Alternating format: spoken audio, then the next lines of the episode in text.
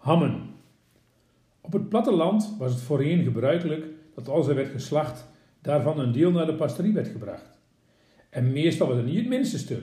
Nee, de pastoors kwamen qua vleeselijke spijzen in Lol niets tekort.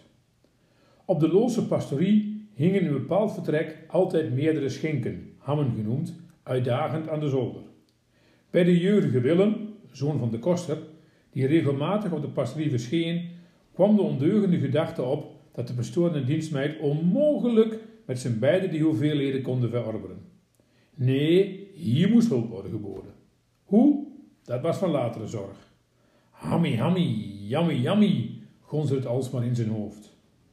Op een dag stapt Willem wederom de pastorie binnen en loopt naar het vertrek waar de hammen in volle heerlijkheid aan de zoldering prijken en strooit onder de schinken een handvol maarwormen uit. Wat druk ik? Zegt Willem tegen de dienstmeid die op hem afkomt. Beiden snuiven de lucht nog eens op. Een rare lucht, zegt Willem. Het zal toch niet van die hammen komen? Zie, roept Willem, die schinken zijn niet goed meer. Kijk door, allemaal maaien.